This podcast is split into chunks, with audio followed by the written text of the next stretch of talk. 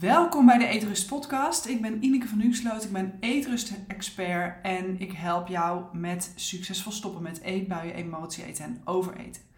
En dat doe ik door het oplossen van de onbewuste onderliggende oorzaken van eetgedrag, zodat je een stevig fundament legt voor goede zelfzorg, voor een gezonde leefstijl vanuit een intrinsieke zelfliefde. In deze podcast wil ik je meenemen in uh, mijn persoonlijke verhaal en um, de rol die bewijsdrang en daarmee ook de moeilijke weg kiezen uh, in mijn leven speelt of speelde. Um, en de aanleiding is dat ik vorige week een fotoshoot had. Um, want ik laat allemaal nieuwe foto's maken voor mijn website. En uh, ik heb een fotograaf uitgekozen. Uh, zij noemt zichzelf intuïtief fotograaf.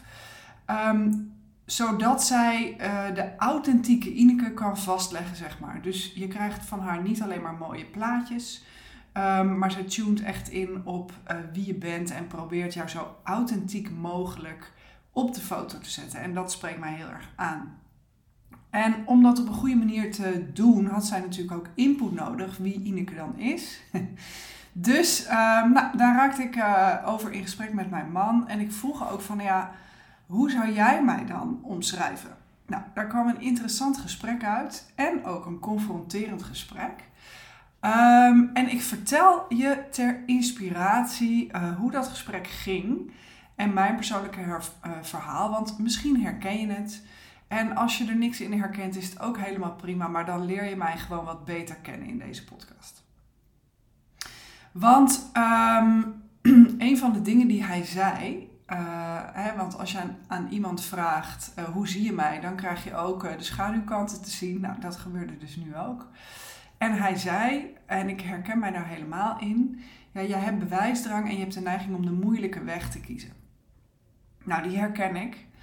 Zeker uit het verleden, maar er zitten nog steeds randjes. En bewijsdrang heeft uiteindelijk te maken met niet goed genoeg zijn. Hè? En niet goed genoeg zijn komt in allemaal variaties. Dus dat kan zijn, ik word niet erkend, of ik ben het niet waard, of ik word niet gezien, of ik word niet gehoord. Eigenlijk zijn dat allemaal variaties op hetzelfde thema. Nou, um, dat ik graag gehoord wil worden, die herken ik ook. En uh, misschien dat ik daarom podcast ook wel zo uh, leuk vind. Um, maar ik zie dus ook hoe die moeilijke weg samenhangt met die uh, bewijsdrang. En um, dit is een onbewust proces. Hè. Ik kies daar niet bewust voor. En zoals voor de meeste mensen geldt, zie je achteraf pas hoe de hazen gelopen zijn. En ga je je eigen patroon achteraf herkennen. Want in het moment doe je eigenlijk gewoon wat je altijd doet op basis van je conditionering en je levenservaring. Um, en waar het om ging, be, um, specifiek met betrekking tot mijn ondernemerschap, uh, is dat dat natuurlijk ook een vorm is van de moeilijke weg kiezen. Want uh, voordat ik ondernemer werd, 12 jaar geleden, ik heb hiervoor eerst een ander bedrijf gehad, werkte ik in loondienst, had ik een, een hele goede functie, een goed salaris, een auto van de zaak, nou alles erop en eraan. dus als ik daar gebleven was, nou, dan zat ik redelijk gebeiteld, zeg maar. Hè? Met veel zekerheid en gewoon echt een goed salaris en, en vastigheid. Maar goed, ik besloot om mijn hart te volgen en mijn eigen pad te bewandelen. En um, ondernemerschap levert heel erg veel op, maar eerlijk is eerlijk, het kost ook veel. En daarmee bedoel ik um, op gebied van persoonlijke ontwikkeling, hè, het levert veel op. Um, maar het is ook onzeker. Hè? Financieel is het een stuk onzekerder dan elke maand uh, je salaris op je rekening krijgen. Hè? Um, je moet overal zelf voor zorgen. Dus ook bij ziekte, ook bij pensioen, ook bij arbeidsongeschiktheid. En um, daarbij is het ook nog eens zo dat elke fuck-up je eigen uh, mislukking is, zeg maar. Want um, ja, in je eigen bedrijf uh, werk je zelf, dus je kan op niemand afschuiven als je een misser maakt. Dus um, hoe ik het ondernemerschap daarin ook ervaar, is dat je succes uh, letterlijk zichtbaar wordt door hoe succesvol je bedrijf is. En mijn eerste bedrijf was daarin een mega leerschool. Ehm, want ik wilde graag. Uh, ik, ik begon het bedrijf vanuit mijn passie, vanuit mijn hart. Ik had een uh, reisonderneming voor maatschappelijke stages uh, en vrijwilligerswerk in Afrika. En dat deed ik vanuit passie, vanuit ja, goede intenties, om, om echt ook mensen een ervaring te geven in een andere cultuur en, en tegelijkertijd de mensen in Afrika de kans te geven om met vrijwilligers te werken voor extra hulp. Dus mijn intenties uh, waren heel goed. Um, en wat ik merkte is uh, dat ik graag aardig gevonden wilde worden. Graag goed genoeg wilde zijn. Ik had heel veel focus liggen op kwaliteit. En als ik eens commentaar kreeg of uh, er was iemand ontevreden, dan kon ik daar dagen van slag van zijn. En ik had ook uh, medewerkers waar ik mee werkte. En uh, uiteindelijk, um, mede doordat ik graag aardig gevonden wil worden, uh, of wilde worden, um, maakte ik geen keuzes die eigenlijk wel voor het bedrijf beter waren. Um, en aan het einde van het liedje betekende dat dat ik ontzettend hard werkte. Uh, heel weinig financieel eraan overhield. En ook qua energie en voldoening er heel weinig aan overhield. En uh, daardoor ben ik twee keer bijna in een burn-out geraakt. Of twee keer in een burn-out en één keer bijna, moet ik zeggen. En een burn-out komt niet omdat je te hard werkt, maar uh, een burn-out krijg je als hard werken niet in balans is met wat het je oplevert aan voldoening, aan, aan plezier, aan energie. En als ik er nu op terugkijk, zie ik dat dat dus ook heel erg te maken heeft met die bewijsdrang. Hè? Dat ik dus wel wilde laten zien dat ik goed genoeg was. Uh, hè? En, en, en dat ik de juiste keuzes maakte voor het bedrijf. En ik denk als ik erop terugkijk dat ik voor het bedrijf wel de juiste keuzes heb gemaakt, maar voor mijzelf niet. En uiteindelijk is het dan nog niet in balans. Nou, de afgelopen jaren heb ik op die uh, bewijsdrang al heel erg veel werk verricht. Want ik ben intussen tot het inzicht gekomen. En, en dat heb ik niet zelf verzonnen hoor. Dat zijn gewoon systemische wetmatigheden uh, waar ik eerder niet vanaf wist. Uh, maar ik ben dus uh, te weten gekomen dat bewijsdrang vooral te maken heeft met de relatie met je vader. De relatie met je vader en in hoeverre je bent verbonden met je vader bepaalt hoe je je positioneert in de buitenwereld. De, in hoeverre je verbonden bent met je moeder um, bepaalt in hoeverre je ook in staat bent om je te verbinden met andere mensen en, um, uh, en, en ja, met, met jezelf. Maar de relatie met je vader heeft meer te maken met hoe je in de wereld staat. En ook wat je waard bent en of je voor die waarde kan staan. en wat je waard bent volgens jezelf bedoel ik, dus je eigen waarde. En of je daarvoor kan staan. Nou, als er een onbalans zit op de verbinding met je vader, dan maakt dat dat je in de praktijk gaat overcompenseren. Dus extra goed je best gaat doen. Extra goed genoeg zijn. Laten zien dat je het kan. Maar ook bijvoorbeeld erkenning nodig hebben van buitenaf. Alleen op een dieper niveau gaat het eigenlijk over de liefde en goedkeuring van papa. Nou, die is heel herkenbaar voor mij. Ik heb daar ook echt al heel erg veel werk op gedaan. zowel met hypnose als met EFT, eh, e Emotional Freedom Techniques, als met familieopstellingen.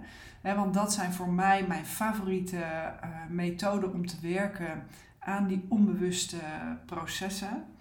Uh, maar er zit nog een klein randje, dus het is niet helemaal weg.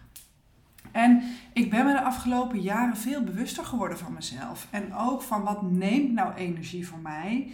En uh, wat geeft mij energie. En ik heb daar keuzes op gemaakt die me onwijs veel opgeleverd hebben. En er zit nog steeds een stukje in mij wat ontzettend doelgericht is. En op de een of andere manier maak ik het soms ook gewoon uh, moeilijk voor mezelf. En um, dat is ook de reden, of een van de redenen, dat ik zelf ook uh, mij laat coachen. Um, en ik heb dus onlangs gekozen voor een coach uh, om daar het komende half jaar mee uh, aan de slag te gaan.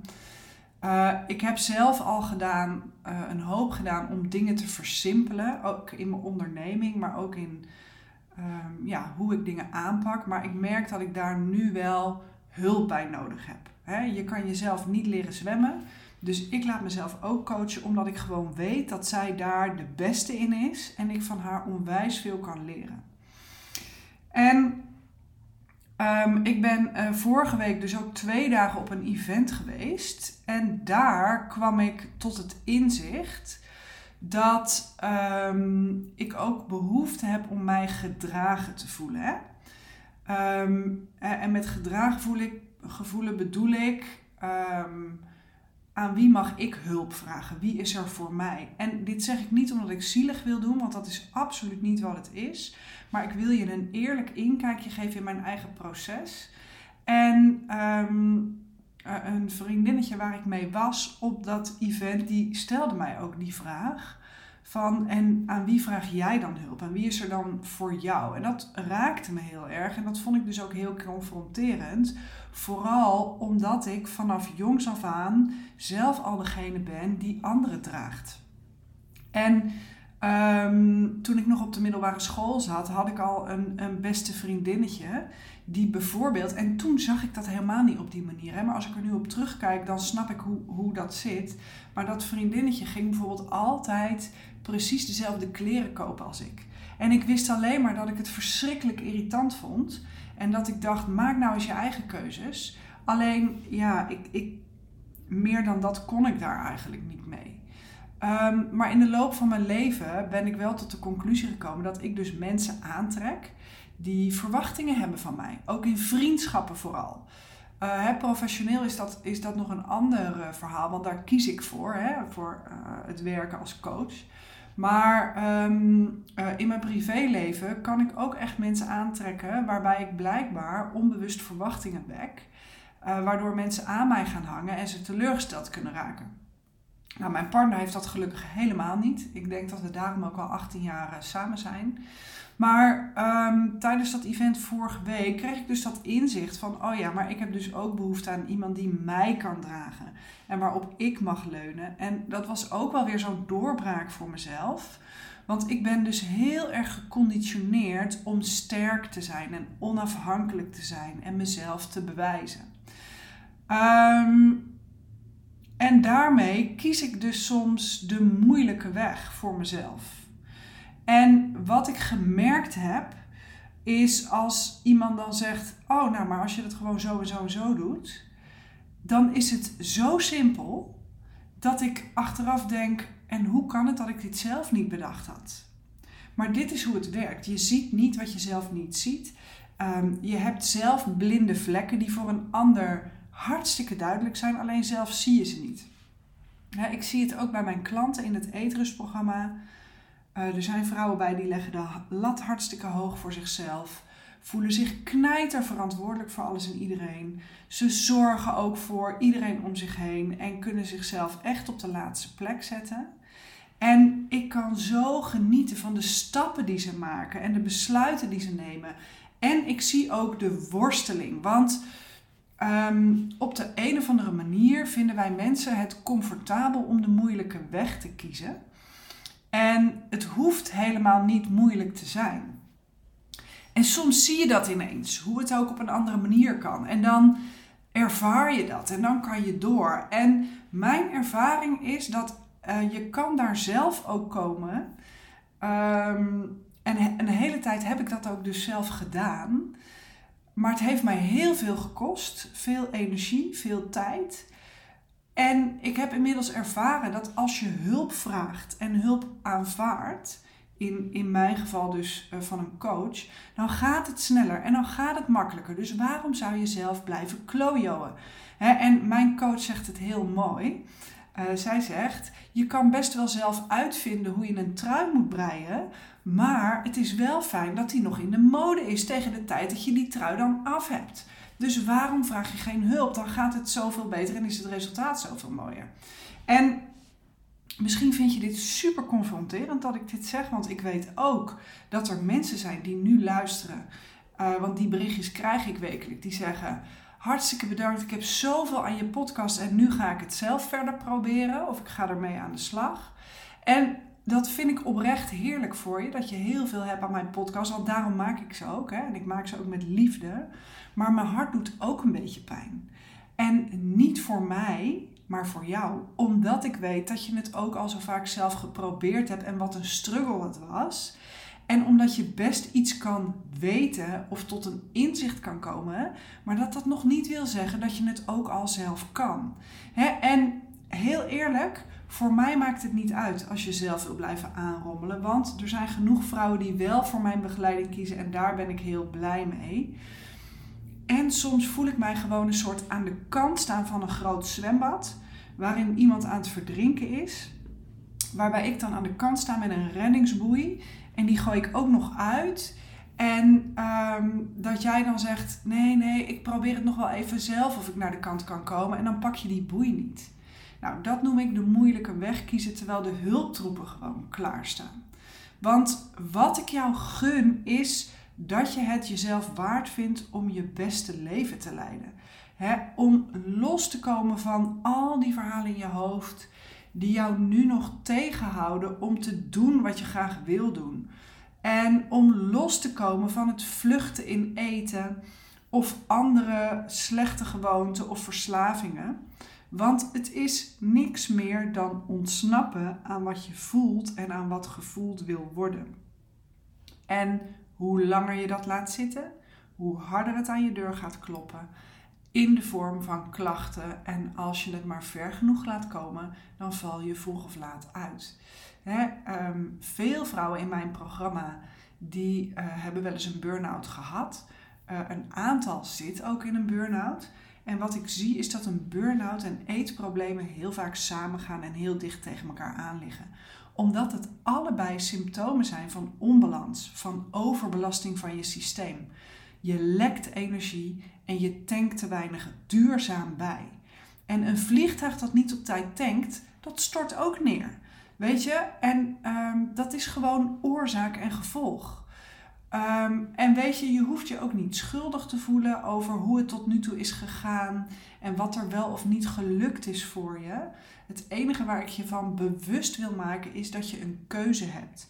Ook al voel je nu niet dat je een keuze hebt, je hebt echt een keuze en je kan elke dag opnieuw een keuze maken. Ehm, en wat ik je gun is dat je die keuze maakt voor jezelf. Dat je jezelf toestemming geeft om jezelf iets beters te gunnen. Dat je jezelf toestemming geeft om aan de slag te gaan met het temmen van je innerlijke draken, zodat je daadwerkelijk bevrijd uh, raakt en niet meer um, telkens hoeft te ontsnappen aan, um, aan de stress en emoties die je keer op keer overvallen. Nou, als je wil dat ik je daarbij help, dan ben ik er. En dan weet je mij te vinden. In de omschrijving van deze aflevering vind je ook hoe je contact met mij kan opnemen als je dat wil. En heel eerlijk, ik hoop dat ik je bij deze aflevering ook heb geconfronteerd. En je ook een beetje heb geprikkeld. Misschien zelfs wel geïrriteerd. En als deze aflevering je nou enorm triggert, dan weet je in elk geval dat je nog werk te doen hebt. want alles wat je triggert, zegt iets over uh, jezelf. Blijkbaar komt er dan iets in jezelf los of spiegel ik iets in jezelf uh, wat een reactie oplevert. Um, dus zie dat ook als een kans om mee aan de gang te gaan om voor jezelf een beter leven te creëren. Want je bent het verdorie waard. Oké? Dank je wel weer voor het luisteren. Zeg je nou, ik herken mijzelf in emotie eten, in eetbuien, overeten, in stress eten. En wil je daar meer over weten, meld je dan aan voor mijn gratis online masterclass. De link vind je in de omschrijving van deze aflevering. Uh, dan gaan we er heel erg uh, veel dieper op in. De masterclass duurt ruim 90 minuten. Dus uh, daar kan je heerlijk voor gaan zitten, meeschrijven wat je nodig hebt. Ik krijg er heel erg vaak over te horen dat, dat mensen zeggen: Tjonge, wat een nieuwe inzicht en wat een eye-openers. Dus ben je nog nooit bij een masterclass van mij geweest? Meld je dan vooral aan. Voor nu, nogmaals, dankjewel voor het luisteren. Tot in de volgende aflevering. en zorg goed voor jezelf.